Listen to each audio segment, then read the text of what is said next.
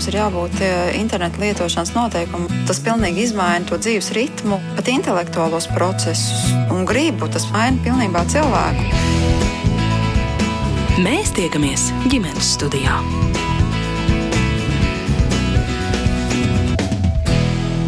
Labdien!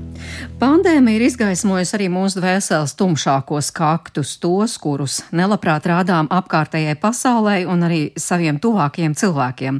Un ir ļaudis, kuri pirms pandēmijas bijuši tuvi, bet tagad netiekas un nesarunājas, jo pārliecība par to, kas ir labi un kas ir pareizi, ir atšķirīga. Kāpēc pandēmija sašķēlus nevienu vienu radu pulciņu vai draugu kopu un radījusi tajos pretējas nometnes, un vai ir iespējams izlīgums un salapšana, to es mērķis notiņu jautāšu studijas viesiem, kognitīvi behaviorālai psihoterapeitei Marijai Abeltiņai. Labdien, Marija! Jā, labdien! Labdien arī teologam Kasparam Simanovičam! Esiet sveicināti! Vispirms vēršos pie Marijas. Vispār, Marija, atgādiniet, kas tie ir par tematiem, par kuriem cilvēkiem ir ļoti grūti pieņemt, ka otrs domā citādi? Nu, es domāju, ka tie temati ir ārkārtīgi daudz. Bet īpaši mēs domājam par tādiem tuviem draugiem vai tuviem radiem.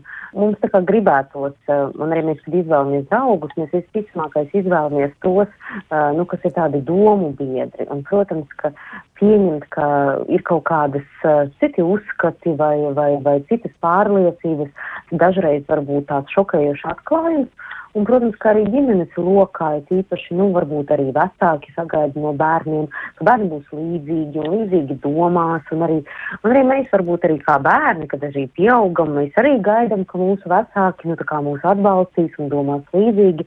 Tāpēc es domāju, tas uh, tēmatu loks ir ārkārtīgi liels sakot, nezinu, ar naudas tērēšanas jautājumiem, tādiem praktiskiem, par attiecību veidošanu, ja, un, protams, ka arī, nu, tāda politiskā dienas kārtība arī, un arī varbūt tādiem, nu, notikumi, kas skar šobrīd visu pasauli, tas arī ienāk mūsu dzīvē.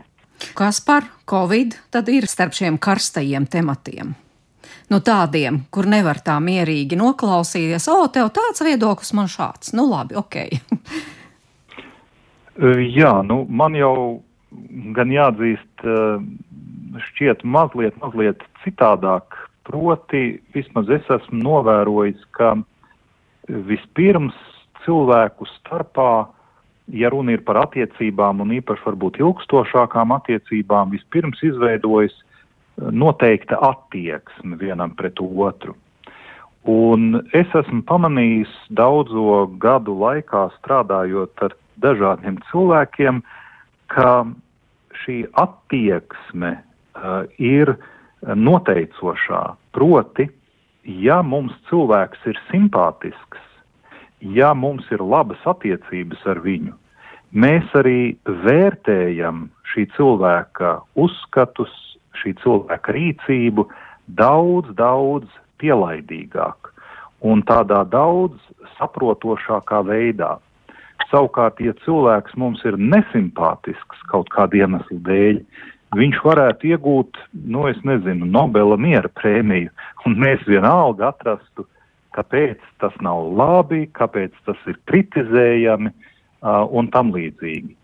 Uh, un savukārt, ja mums simpātisks cilvēks uh, izdarīs kādu aplamību mūsu prāt, mēs vienalga atradīsim kaut kādu tādu skatu punktu, kur mēs teiksim, jā, nu, viņam bija savi iemesli, vai, vai mēs viņu saprotam, mēs varbūt nepiekrītam, bet respektējam.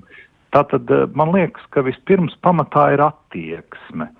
Un jūs jau pareizi sacījāt, eh, ka patiesībā jau šis pandēmijas laiks ir izgaismojis to attiecību stāvokli, kādā cilvēka atrodas. Tas patiesībā nav tik daudz sašķēlis, kā vienkārši izgaismojis to jau esošo sašķeltību un, un problemātiskās attiecības, kādas pastāv cilvēkiem sabiedrībā. Tajā skaitā dažkārt arī ģimenes ietvaros. Jā, es tikai gribu piebilst, tiešām šoreiz nerunāsim par tām ilgstošajām attiecībām, par pāra attiecībām un kā tās ir ietekmējis Covid, jo, jo par to jau esam nereizi ģimenes studijā runājuši, bet varbūt šoreiz par to plašāko loku tiešām par radu pulku vai draugu pulku. Uh, Marija, par to domājot, piekrītat uh, Kasparam Simonovičam? Nu, jā, es domāju, ka es varu piekrist, jo uh, tas man atsauc, protams, atmiņā arī tādus psihologu atklājumus, piemēram, par to, kā mēs uh, varbūt dažreiz uh, nu, varam nedaudz saputroties paši savās domās un attieksmēs, un es iekrītu, ka mums ir tāda, um, nu, bieži vien neapzināta tendence, uh, kas ir balstīta šajā te attieksmē, kad uh, mēs nereti uh, cilvēkus, kas mums patīk, uh, pat ja viņi kļūdās, mēs tiešām viņus attaisnojam un atrodam tos apstākļus. Ja? Un ja viņi mums nesimpatizē, tad, protams, mēs vairāk pierakstam viņu personībai, jā, ka tas varbūt ir bijis speciāli, vai tas cilvēks ir neuzmanīgs, vai muļķis, vai vēl kaut ko tādu. Un tieši tā, ja mums tas cilvēks nepatīk, tad bieži vien, pat ja viņš tiešām ir izdarījis labas lietas, mēs atkal pilnīgi pretēji norakstām uz apstākļiem ka tas viņam tā netīšām gadījās, bet patiesībā, nu, ko tad tur no viņa gaidīt, ja? Un, um, nu, tā kā psiholoģijā to nereti sauc par tādu fundamentālu vai tādu pamata skaidrojuma kļūdu, ko mēs uh, neapzināti uh, nu, nereti katru dienu varbūt pieļaujam. Un ir situācijas, ka tas mūs ietekmē mazāk, un mums varbūt ir iespējas vairāk tā objektīvi paskatīties uz, uz lietām, un ir emocionāli tādas sakaitētākas situācijas. Kur tas iespējams var arī nu, pavilkt sevi tādu lielāku konfliktu vai tādu atklātu konfliktu, vai varbūt arī tādu asāku vārdu apmaiņu. Bet par ko liecina jūsu pieredze? Jūs tomēr tiekaties, runājat ar daudz cilvēkiem, uzklausāt viņu sāpi. Ja domājam tieši par draugu pulku, nu, ir tā, ka tieši Covid dēļ, varbūt šīs dažādās um, skaidrošanas un interpretācijas dēļ, cilvēki ir pazaudējuši draugus. Nu, es teiktu, ka es tieši ar šādu formulējumu neesmu saskārusies. Es esmu saskārusies drīzāk ar situācijām, kur dēļ jauniem šiem komunikācijas kanāliem, nu, piemēram, attālinātā, ja, šī te būšana, kas tagad ir vairāk parādījusies, ka mēs varbūt mazāk esam klātienē, un tomēr tā rakstiskā komunikācija dažādos čatiņos vai uh, īziņu veidā, vai arī uh, dažreiz pat, uh, nu, kaut kāda audio failus, kad mēs sūtam, tas tomēr uh, noņem daļu tādas informācijas, un cilvēki vairāk pārprot. Un tas gan ir kaut kas tāds, kas ir nereti izskanējis, ka, ka ir sajūta, ka es vairs nevienam neesmu vajadzīgs vai vajadzīga, ka par mani neinteresējās. Un nereti tas ir patiešām pārpratums, kas ir izveidojies, ja, bet ja viņš netiek šķetināts, tad, nu, tā kā cilvēks var justies gan izolēts, gan arī pašs pārstāt, varbūt komunicēt, un tur var izveidoties tāds mūža kamols. Tieši šādā griezumā vai kontekstā es nevaru atminēties kaut kādus konkrētus piemērus, bet tādā paziņu līmenī pavisam noteikti tur notiek šobrīd tāda, nu, tā kā pozicionēšanās un, un gribot, negribot tāda atsijāšana. Un atgriežoties vienu solīti atpakaļ, eh, man ir jāpiekrīt, ka ir temati, kuri ir jūtīgi uh, cilvēku savstarpējā komunikācijā. Un viens no tādiem ļoti jūtīgiem tematiem, nu, plašākā nozīmē ir identitātes jautājumi. Jo cilvēkam viņa identitāte ir ļoti svarīga, ļoti būtiska. Mēs uztveram diezgan jūtīgi ar šo tēmu saistītos jautājumus. Un man izskatās, ka pandēmija un ar to saistītās diskusijas ir iegriezušas visu to, to retoriku, visu to diskusiju, nu tādā identitātes aspektā, kur vai tu esi vakcinēts, vai tu neesi vakcinēts, vai tev ir certifikāts, vai tev nav certifikāts. Tā jau kļūst par tādu identitātes iezīmi, un turklāt nevis tādu marginālu, bet nu, tādu ļoti spilgtu iezīmi, kur uzzinot to, vai cilvēks ir vai nav, piemēram, vakcinēts, vai viņam ir certifikāts vai nav, es jau izdaru spriedumu par šo cilvēku kopumā.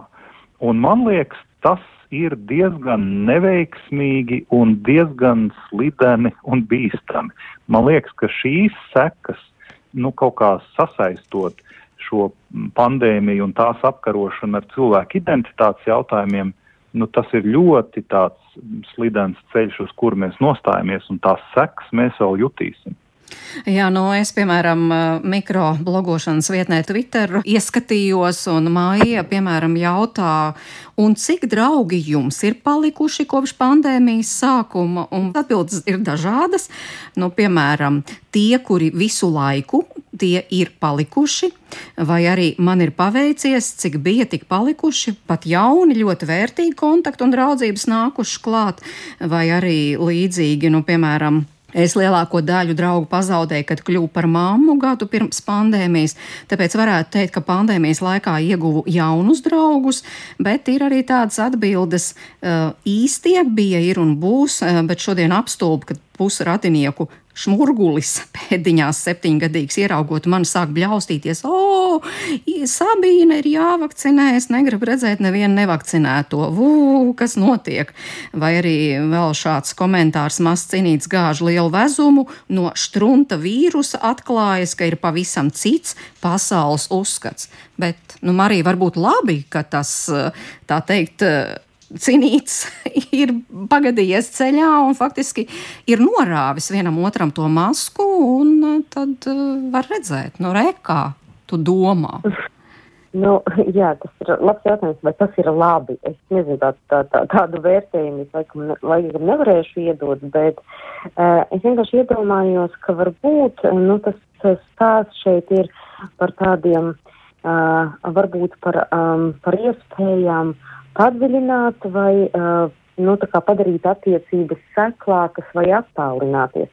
Es vienkārši iedomājos, ka tādas krīzes situācijas, tādi konflikti vai konfliktu iziešana uz tādas uh, virspuses, jā, varbūt viņi kaut kur tur iekšķi dziļi jau bijuši sen, bet re, kur viņi ir atklājušies, tas ir no vienas puses, tas ir tāds sāpīgs moments, no otras puses, tas ir tas mirklis, kad patiesībā mēs varam kļūt tuvāki uh, nu, ja mēs runājam, runājam par savām vajadzībām, par emocijām, ja mēs mēģinam saprast, uh, kā mēs varam salabt un nesāpināt viens otru, ja mēs patiešām esam draugi, ja nevis tikai nosaukums, nu, tā kā Facebookā vai kaut kur, ka mēs tagad sadraudzējamies, ja, bet patiešām mēs esam tie cilvēki, kas tā viens otru definē, ka, nu, varbūt, ja, nu, ja tāda labuma, par tādu labumu domā, tad tas ir tas, kas man nāk prātā, ka šis ir tāda iespēja tiešām kļūt tuvākiem, uh, labāk viens otru iepazīt, un arī nu, šis ceļš, kad mēs salapstam vai nu, spējam piedot viens otram kaut kādas lietas, tas, protams, ka var padarīt mūsu draudzību ciešāku. Nu, nevēl tikai draudzība viņa tā kā nostiprinās dažādos notikumos, gan priecīgos, um, gan, gan tādos bēdīgākos vai sarežģītākos, kā, kā jebkuras tuvas un svarīgas attiecības. Mm, jā, kas par nu te izskanēja? Īstie ir palikuši, un varbūt ir arī tagad tā vēlreiz var pārliecināties, kur tad tie īstie, bet, eh, nu, kā jūs uzskatāt, vajadzētu to draudzību, kura ir bijusi, tomēr mēģināt kaut kā saglabāt un saglabāt, jo, nu, tomēr, ja cilvēki ir bijuši tā vai citādi, tūk kaut kas taču viņus ir vienojis. Jā, es domāju, ja cilvēki ir bijuši tuvi un viņi ir uzskatījuši savstarpēji viens otru par draugiem, pavisam noteikti tādas attiecības ir tā vērtas, lai tās saglabātu. Un man jau liekas, es gandrīz vai varu piekrist tajā tvītā sacītajam, ka, ja cilvēki patiešām līdz šim ir bijuši patiesi draugi, uh, viņi tādi arī paliks. Pat ja tur varbūt ir kaut kādas dzirksteles šķīlušās un kaut kādi varbūt aizvainojumi izteikti un uztverti, gan jau norimsies un gan jau tie cilvēki atradīs to ceļu atpakaļ viens pie otra.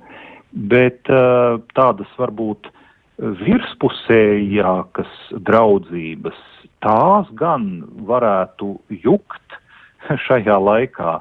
Un, un, un var atklāties, ka cilvēki tomēr ir bijuši pārāk atšķirīgi. Viņiem patiešām ir pārāk atšķirīgas intereses, pārāk atšķirīgi eh, pasaules redzējumi, un šāda veida pārgrupēšanās eh, mēs droši vien redzam un redzēsim. Un man patika jūsu no, nosauktais piemērs, kur kāda sieviete saka, ka vienu daļu, nu, tādus draugus vai paziņas viņa pazaudēja uh, kad kļuvu par māmiņu, respektīvi tie, lūk, tie eksistenciālie posmi mūsu dzīvē, kur mēs paši nonākam kaut kādā jaunā statusā, iegūstam kādu jaunu identitāti, nu jā, izrādās, ka viena daļa nemaz vairs nelīdzdala vai pat nespēja līdzdalīt ar mums to mūsu jauno statusu, jauno stāvokli, jauno perspektīvu, un šie cilvēki attālinās pavisam dabiski. Tā kā no tāda viedokļa tā nav tāda liela traģēdija, jo nu, cilvēki mūsu dzīvē apkārt ir dažādi, ar kādiem mēs jūtamies tuvāk vienā dzīves posmā, ar citiem varbūt citā dzīves posmā, bet tādi tuvākie draugi, protams, ka tādu nav daudz. Es domāju, ka katram cilvēkam individuāli tādu īstenībā ir ļoti maz, un tos gan ir vērts censties saglabāt. Tad jautājums kā? Es jums piekrītu, jo vienam otram ir sāpīgi, un mēs esam tagad satikušies šajā ģimenes studijā, runājam šajā laikā, ko sauc par piedošanas laiku, salapšanas laiku, arī dzan. Tad kā? Kā spērt to pirmo soli? Man gandrīz vai liekas, ka jautājums par piedošanu ir netik daudz jautājums par metodi, vai tehniku, tas lielā mērā ir cilvēka brieduma jautājums. Ja cilvēks ir nu, tāds, nu, kā lai saka, nu, nenobriedis, negatavs, eh, viņam pietrūkst varbūt kaut kādas daudzas iekšējas kvalitātes, nu, tu jau viņam vari izstāstīt algoritmu, kas ir jāsaka, kur jāiet, kādi vārdi jāsaka, kādas frāzes jālieto. Uh, bet piedošana jau ir tāds, nu, drīzāk tāds iekšēja izlīguma uh, stāvoklis. Vispirms jau vēlēšanās pēc izlīguma. Uh, un, un, un ja tās nav, ja cilvēks ir aizvainots un viņš ir tāds bērnišķīgs un viņš ir apvainojies un viņš dzīvo ar tādu vispārēju upuru izjūtu, ka man te visi dara pāri un, un tā tālāk, nu, tad būs ļoti sarežģīti. Pat ja mēs viņam pateiksim priekšā pa soļiem, vienalga būs ļoti sarežģīti, ka viņš spēs šo īstenot. Līdz ar to man liekas, ka ja, ja nu, es, piemēram, kā indivīds saprotu, ka es esmu tagad nonācis tādā nu, nepatīkamā situācijā, kur, kur es jūtu, ka kaut kādas manas attiecības sāk irt, acu priekšā, nu tad, tad man ir jāizdara vispirms iekšējais mājas darbs. Man ir pašam priekš sevis jānoformulē ļoti godīgi, vai man šīs attiecības ir vajadzīgas, vai viņas man ir svarīgas. Ja nē, tad, tad droši vien tad vienkārši es ļauju viņām iet, izirt, un ja jā, tad es savukārt nu, skatos tālāk, kas manī ir tie šķēršļi, kur man pie sevis ir kaut kur jāpiestrādā, kaut kur ar sevi jāparunā, varbūt jāpaskatās no citas perspektīvas uz to jautājumu, kur es sevī varu pārvarēt tos šķēršļus. Respektīvi, tas vispirms, man liekas, būs darbs pašam ar sevi. Marija, kas par tikko teica, tās nebūs frāzes, bet mēs jau parasti ar tām frāzēm, nu tad atvaino, piedod. Uh, nu, jā, frāzes, uh, protams, ka gribās, gribās tādu špiceri, tas, tas ir saprotams, uh, uh, bet nu, tas, par ko es aizdomājos, jā, par to, par to briedumu iekšējo un par to varbūt, ko, ko es daru tādā ikdienas darbā. Uh, varbūt es kaut kādā ziņā, nu tā metaforiski runājot, arī palīdzu kā nobriedināties vai kā to briedumu izveidot caur tādām lietām, kā saprast pirmkārt un atpazīt savas emocijas un tās vajadzības, kas aiz viņām slēpjas. Jo neretais tā aizskaitinājuma vai aizvainojuma, uh, nu, kas ir tādi varbūt skaļāki, un mēs tur kā uh, turpinam varbūt pie sevis vai savam dzīves partnerim stāstam, kā, kā tās draudzīnes tur to varēja, šitā izdarīties, kā tā tā, kāpēc nezvana. Un uh, aiz tā visa, aiz tādiem, nu, varbūt tādas uh, burbulēšanas, nereti slēpjas kaut kas ļoti ievainojams. Piemēram, bailes būt pamestai, vai vientulības sajūta, vai tāda nedrošība. Un, un tādas, nu, arī varbūt sāpes un ilgas pēc tādām attiecībām un komunikācijas. Un tad tas, ko, ko es redzu, kā es redzu to ceļu, ka mēs mācāmies to atpazīt, ieraudzīt un tad meklēt to mm, zelta vidusceļu, kā to izpaust caur tādu cieņpilnu uh, attieksmi. Ja es varu iedomāties, ka mēs nereti krītam tādās galējībās. Viens variants, kad mēs nu, kaut kādā pasīvā veidā mēģinam norīt, un patiesībā mēs nevis piedodam uh, vai izprotam lietas, bet mēģinam aizmirst, vai tā kā izstumt no apziņas, nu vienkārši izlikties, ka, ai, nu nekas jau tur tāds nav bijis. Bet, protams, ka tāda paslaucīšana kaut kur un pa, paslēpšana īsti nepalīdz un tas kaut kur krājās. Vai otra galība, ka mēs kļūstam tādi tiešām agresīvi, sākam tādas pretenzijas izvirzīt un beigu beigās mēs nevis dabonam atpakaļ to uh, foršu attieksmi, ko mēs gribam, bet patiesībā cilvēki reaģē to mūsu izteiksmes veidu, un, un, un tas konflikts vienkārši uh, turpinās, un varbūt viņš turpinās par to formu, kādā veidā mēs runājam. Un, un man ļoti patīk tā ideja tiešām par tādu cieņpilnu pārliecinātību, vai angļu valodā ir ļoti skaists vārds, uh, nu, nu, var tā kā latvisko kā asertivitāte, kad, kad mēs mācāmies izteikt šīs te vajadzības, cieņpilnā veidā un arī atvērt to savu sāpju, nu, tādā cilvēcīgā veidā runājot un sakot, ka, hei, nu, es esmu ļoti noilgojusies un man ļoti sāp, nezinu, ka tu man nezvani. Es patiešām gribu, lai mēs kaut kā atjaunojam to kontaktu.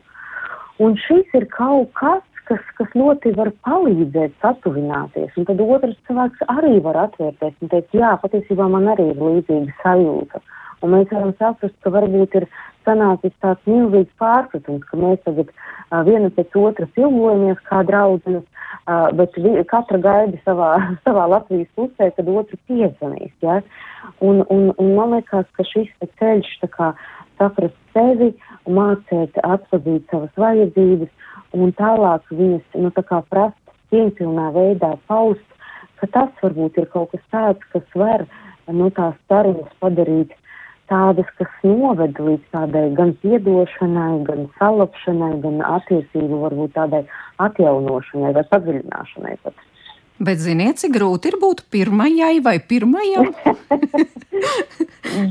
noteikti, jā, jā, noteikti tas ir grūti. Un tas atkal ir nu, tāda saruna ar sevi, nu, ko tas man nozīmē, ka es būšu pirmā, ka es padevos. Nu, ko nozīmē padoties, jā, vai ka nevienam patiesībā mani nevajag. Nu, šie ir tādi, nu, tādi slazdi, kuri mūs var ievilkt tādās neproduktīvās, negatīvās pārdomās, jo, nu, mēs cilvēki esam sarežģītas būtnes, un iespējams, kāds ir nointerpretējis arī mūs pavisam savādāk, nekā mēs to bijām domājuši, jā. Mums pašiem sevi grūti saprast brīžiem, nu, kur nu tas otrs cilvēks visu precīzi var saprast. Jā, man ir jāpiekrīt Marijai un, un, un jāsaka paldies, jo viņai izdevās tā veiksmīgi noformulēt to, ko es izteicu ar to frāzi par darbu ar sevi, to iekšējo sevis izprašanu. Un es domāju, ka tas ir svarīgs moments. Proti, jo kādreiz ir tā, ka tās emocijas ir tik daudz iekšā, viņas ir tik intensīvas, viņas ir tik blīvas, ka cilvēks pats ir apjuts no to emociju daudzuma un intensitātes, un varbūt tāds ļoti praktisks palīdzošs solis vai ieteikums varētu būt parunāt ar kādu no malas, ar kādu nu, speciālistu, ar kādu, kurš saprot kaut ko no cilvēka emocijām un kas var palīdzēt man iztulkot šīs emocijas, šo, šo pārdzīvojumu iztulkot man saprotamā valodā, man saprotamos jēdzienos.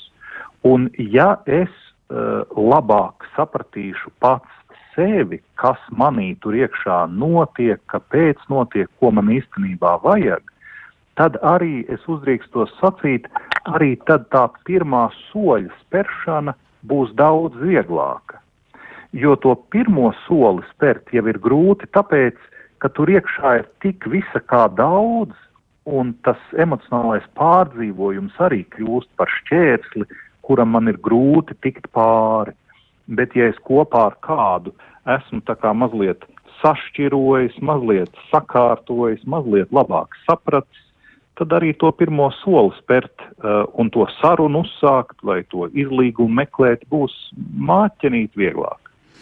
Jā, mēs līdz šim vairāk tā kā par tādām uh, draugu būšanām un nebūšanām pēc dziesmas mēs par to, ka tās domstarpības, dažādi viedokļi, piemēram, uh, par Covid sašķeļ arī radiniekus savā starpā. Vai šīs situācijas risināt ir, ir vienkāršāk vai varbūt vēl sarežģītāk par to pēc dziesmas?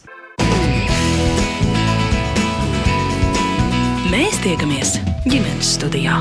Ģimenes studijā šodien kognitīva behaviorālā psihoterapeita Marija Abeltiņa un teologs Kaspars Simanovičs.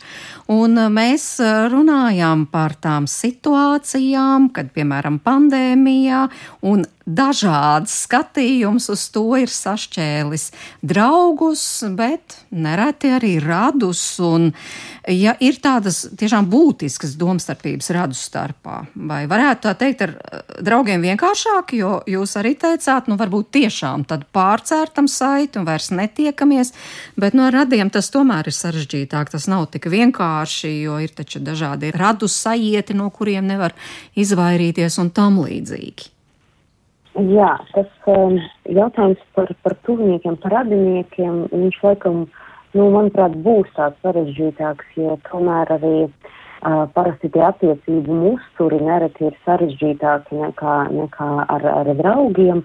Un arī es, nu, tā kā aizdomājos, kas ir tas, nu, starta punkts arī nereti, uh, nu, kur uz, uz kā varbūt tā, kā tā problēma arī tagad nogūsnējās. Jā, vai mums jau bija bijuši konflikti un sarežģītas attiecības, un šis ir tikai varbūt to sašķelšanu vēl vairāk tā kā padziļinājis. Un arī, protams, ka es aizdomājos, ka ka tas varbūt vissāpīgākais jautājums, ar ko es saskāros, nu, tagad šobrīd strādājot ar cilvēkiem, kad uh, cilvēki nāk ar tādu lielu, lielu izmisumu un saka, ka viņi ir nobijušies, nu, piemēram, ka viņu vecāki varētu nomirt, bet vecāki atsakās vakcinēties. Un tas izmisums ir milzīgs, jā, tā kā pazaudēt vecākus un, uh, nu, tā kā tās, tās tie nāves draudi un bailes. Un šeit mēs, nu, atgriežamies arī pie tās sarunas, kas ir bijis, nu, pirms tam par to, ka kā tikt galā ar šo te uh, milzīgo emociju jaudu un tādu intensitāti, lai lai tas viesulis iekšējais, lai viņš arī nenonest no kājām visus, visus radus un draugus, jo nereti ar tādām dusmām mēs mēģinam to izmisumu kaut kā, kaut kā ar viņu tikt galā, ja? un, un, un te atkal ir jautājums par to, kā es varu nu, kā, turpināt par to runāt un izteikt savas bažas un bailes nu, tādā veidā, lai, lai man ir lielākas iespējas, ka manis atdzird. Tāpēc es, es domāju, ka šis varētu būt ļoti tāds sāpīgs un sarežģīts moments, jā, ka tas ir varbūt saistīts ar tādiem uh, milzīgām bailēm arī patiešām pazaudēt savus tuviniekus. Tiešām nereti tur jau arī kaut kādi konflikti paudžu starpā veidojas, kuri varbūt pat iepriekš nav bijuši. Bet varbūt tikai šķiet, Jā. ka nav bijuši. Tā es arī varētu secināt jūsos klausoties. Jā, man ir jāpiekrīt, ka uh, nereti ar radiniekiem varētu būt sarežģītāk, jo, redziet, tad, kad sastopas divi cilvēki, kuri kļūst par draugiem, viņi tomēr līdz tam ir gājuši katrs kaut kādu savu attīstības ceļu, um, ar, ar, ar savām pieredzēm un tam līdzīgi, bet radinieku pulkā tie cilvēki bieži vien līdzdala jau ilgāku laiku kaut kādu kolektīvo vēsturi. Uh, Un tur var būt um, konflikti jau nereti vairāk paudžu garumā, tur ir kaut kāda nereti sarežģīta priekšvēsture. Tur var veidoties kaut kādi uzkrājumi, kur attiecīgi konkrētā krīze tam piešķir tikai dzirksteli. Lai gan nu, no otras puses atkal droši vien jāsaka, tas ir atkarīgs no nu, radniecības pakāpes, ja tā varētu teikt jo, jo nu, ir tuvinieki un radinieki, ar kuriem mēs visnotaļ bieži varbūt kontaktējamies un uzturam ciešas attiecības, un varbūt ir tādi tālāki radi, kurus mēs tur redzam labi reizi gadā vai kaut kādos lielos godos, uh, un ar tiem varbūt tad ir vienkāršāk. Un otra lieta, ne jau tikai pandēmijas izraisītās nesaskaņas ir šķēlušas vai sašķeļ šobrīd uh, radiniekus un tuviniekus, daudzi, daudzi arī ikdienišķāki jautājumi, kā piemēram, nu nezinu, naudas jautājumi, mantojumi jautājumi, dažādu atkarību problēmas. Ir dažādas uh, lietas un norises, kuras iedzen tādus nu, ķīļus, radinieku starpā. Nu, izskatās, ka pandēmija un vakcinēšanās un ar visu šo saistītie jautājumi būs vēl viens kārtējais ķīlis, kas var pabojāt tuvinieku attiecības. Bet kā jau Marija raksturoja, tās emocijas tur ir spilgtas, un kā jums šķiet šajā situācijā, vai nu tādas iekšējās, tādas labsajūtas vai iekšējā miera labad ir vērts meklēt to, nu par ko jau mēs runājām, tādu piedošanas, salapšanas ceļu, kaut kādu konfliktu risināšanas ceļu. Es domāju, tāda paša iekšējā miera labad tas jau ir jāmeklē vienmēr. Nu, šādi noformulēts, es domāju, tas ir diezgan pašsaprotami, jo neviens cilvēks jau nejūtas labi, zinādams, ka viņš atrodas kaut kādā konfliktā vai, vai vēl vairāk kaut kādā, varbūt, nezinu, naida situācijā vai attiecībās ar citiem cilvēkiem. Tiekšanās pēc miera, pēc tāda iekšēja līdzsvara jau ir nu, tāds optimālais stāvoklis, uz kādu mēs tiekam aicināti pilnīgi visi. Un es domāju, te būtu tā lielākā brieduma izpausme, ja mēs spētu, nu, varbūt palikt pat savās pozīcijās, savos uzskatos, vienalga šai gadījumā, nu, pandēmijas kontekstā, nezinu, par vakcinēšanos vai kaut ko tam līdzīgu, un vienlaikus respektēt otru cilvēku, respektēt otru cilvēku viedokli, tā jau, man liekas, ir augstākā pilotāža. Nu, ne tikai attiecībā uz pandēmiju, arī varbūt kādos, nezinu, politiskos jautājumos vai, vai ekonomiskos jautājumos vai reliģiskos jautājumos jau arī dzen. Spēt, zin, nu, teiksim, es zinu, kam es ticu, es zinu, par ko es esmu pārliecināts, bet es iemācos respektēt, jā, ka mūsu radu pulkā ir arī citādi domājoši cilvēki. Nu, tā, manuprāt, būtu brieduma pakāpe. Nu, tas izklausās vienkārši, bet nav. Marija.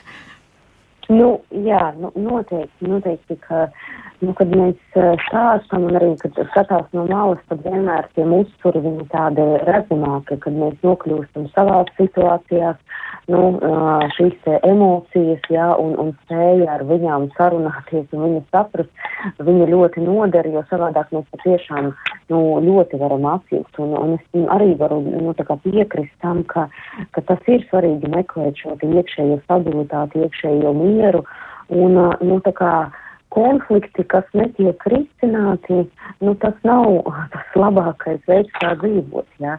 Un konfliktu risināšana nereti. Nu, viņa nav, nu, tāds, tāds mērķis nav, ka visi ir laimīgi un visi piekrīt viens otram. Nu, līdz kādai situācijai mēs varbūt nekad arī nenonāksim. Arī, kas par tikko minēja, arī, kad ir bieži vien tās situācijas, kur ir atkarības problēmas, ja, kur ir eh, cilvēki gadiem, nezinu, mēģinājuši risināt, bet tas otrs nedzird. Un tad arī ir tas jautājums, kā es varu uh, salīgt mieru vismaz ar sevi par to, cik daudz es esmu darījusi vai darījis, un, un, un ka es varbūt varu piedot tam cilvēkam, neskatoties uz to, ka es neatbalstīšu viņa to dzīvesveidu. Ja? Un šeit ir jautājums par to, ka piedošana nav aizmiršana un piedošana nav nu, tāda visatļautības pieļaušana. Ja? Ka tur tiek ietverts arī šis jautājums par tādu dažreiz arī ar radiem veselīgu robežu nostraušanu.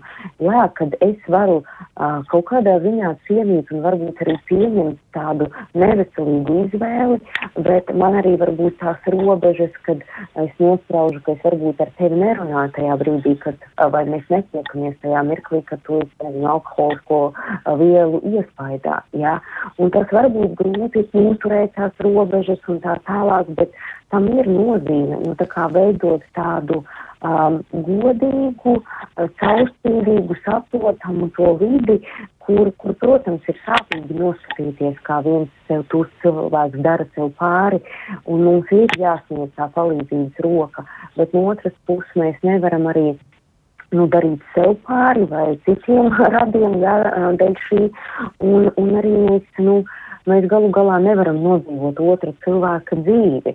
Un, un tas arī man liekas tāds arī par tādu piedošanu arī sev.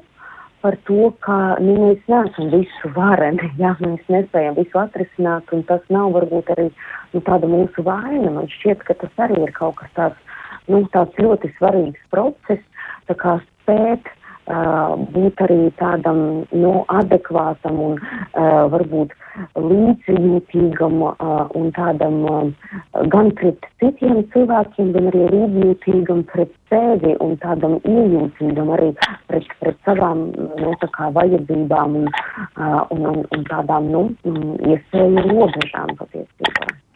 Starp citu, ģimenes studija arī Instagram lietotājiem pirms šī raidījuma jautāja, vai esi piedzīvojis strīdus, kas izjauc ģimenes attiecības, un vai pēc tam ir izdevies salabt un piedot, un es tā kā mēģināju atbildes sakārtot tādās trīs grupās. Un, un vienas bija par cieņu. Nu, piemēram, viss atkarīgs no apusējas cieņas. Ja ciena viens otru, tad jā, jo tas uh, nenozīmē atteikties no sava. Ja nav cieņa no otra un pret otru, tad tas nav iespējams. Uh, Kaspar, jā, starp mhm. citu, Marijas teiktie arī ieskanējās par to cieņu, ka tas ir būtisks jautājums.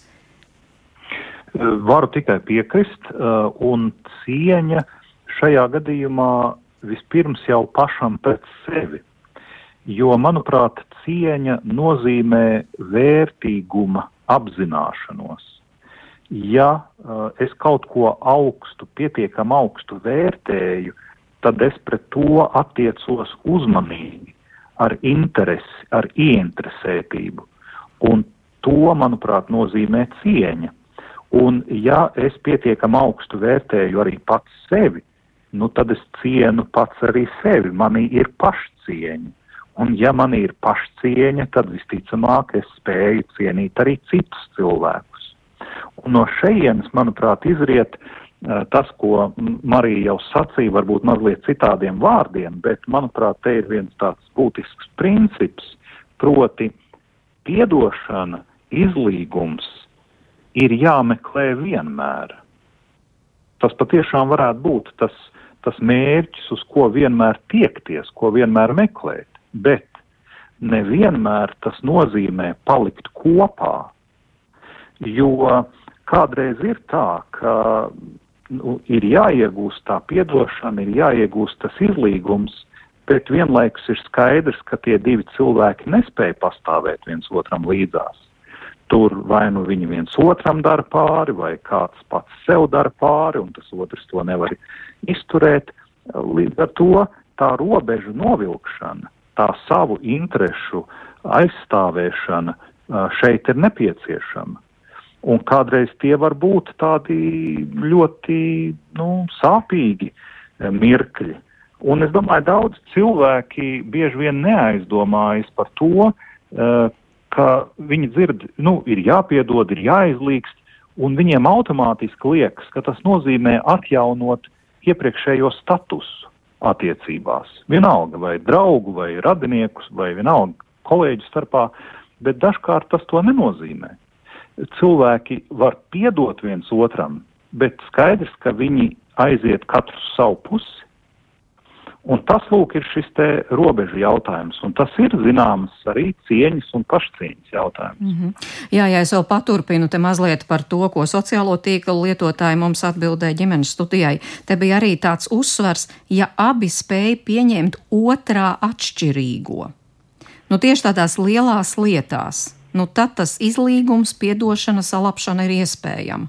Jā, jā, jā, es domāju, ka tas ir tas turpinājums. Jā, man ļoti jā, patika šī ideja, ko katrs arī teica par, par to, ka jā, šī cieņa arī nozīmē tādu, uh, nu, tā kā spēju dažkārt pieņemt arī tādus sāpīgus lēmumus un patiešām varbūt katram iet savu ceļu.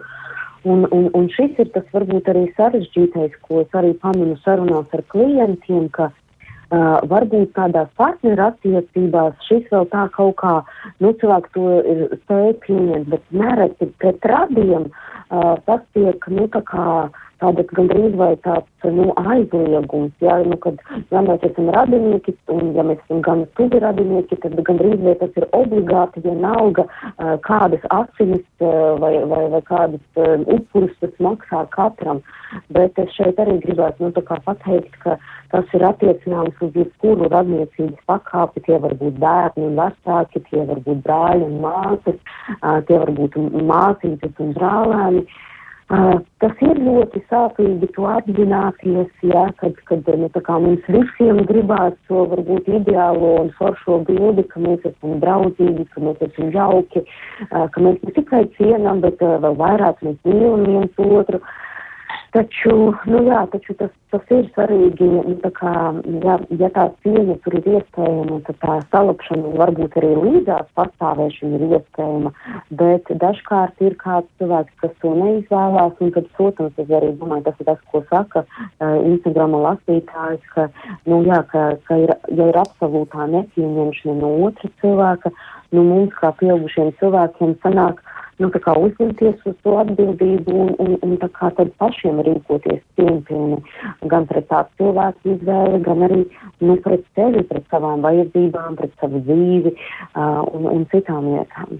Nu jā, un te vēl tiek uzsvērta, piemēram, arī griba. Tātad, ja gribēs, tad, tad izdosies salabt, vai arī nu, tiek uzsvērts paudžu atšķirības, ka nu, tomēr jaunākā paudze ir tā tāda elastīgāka uz, uz to savstarpējo nu, piedošanas, salapšanas nu, meklēšanu nekā vecākā paudze.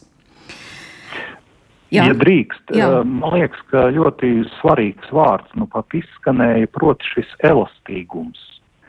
Arī tāds iekšējais cilvēka elastīgums. Un tāpat izskanēja, piemēram, vārds atšķirīgais vai, vai dažādība.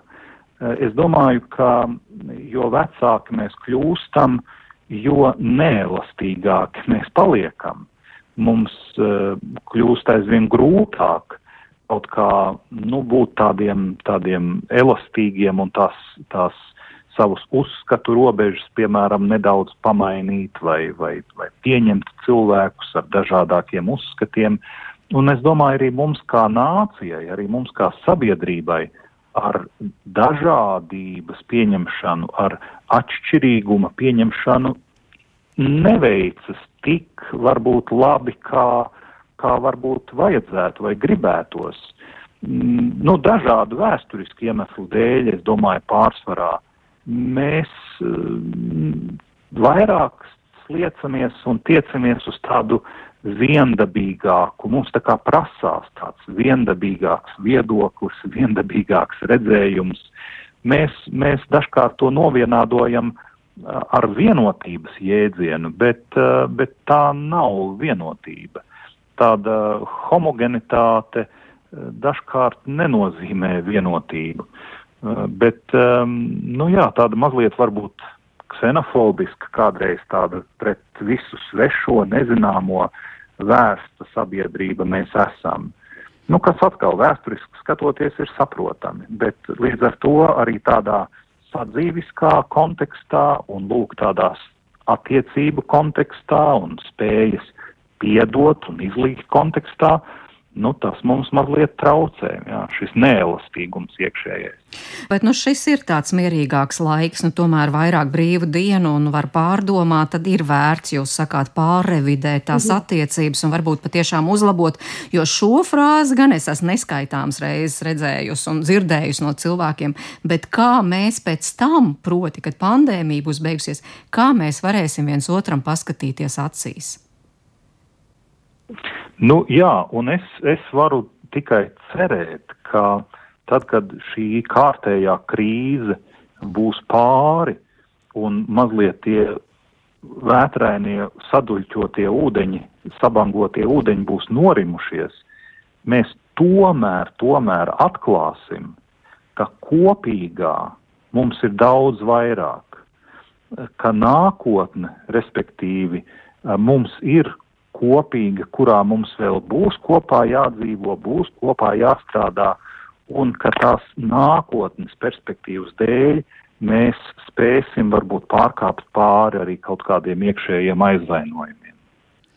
Paldies jums! Jā, jā Marija, gribējāt vēl piebilst? Jā, jā es, es noteikti varu tam pievienoties un uh, varbūt arī aicināt uh, um, nu, cilvēkus uh, sāk meklēt to kopīgo, uh, jo mēs nereti, kad mēs esam, nezinu, apvainojušies uz cilvēku vai esam tādā konflikta stadijā, mēs aizmirstam, kas ir tas kopīgais, mēs izceļam to, kas atšķirās, bet, uh, nu, tā kā atcerēties arī tos labos mirkļus un tā kā tas varbūt arī dažreiz uh, iedod to iedvesmu, um, atjaunot uh, svarīgas attiecības un ieraudzīt, ka te tiešām ir bijis ļoti daudz laba un ir, ir vērts mēģināt, ir vērts dot vēl vienu iespēju šīm attiecībām. Paldies, lai mums visiem izdodas. Paldies, es saku kognitīvi behaviorālai psihoterapeitei Marijai Abeltiņai un teologām Kasparam Zimanovičam. Paldies, ka atradāt laiku. Tas no ģimenes studijas puses, no producents Ilzas Zvaigznes, arī no manis, no Mairidas Notiņas. Paldies jums, klausītāji, ka klausījāties un atgādināt brīdinājums. Klausieties ģimenes studiju arī podkāstos un sekojiet līdzi jaunumiem sociālo tīklu vietnēs. Visu labu!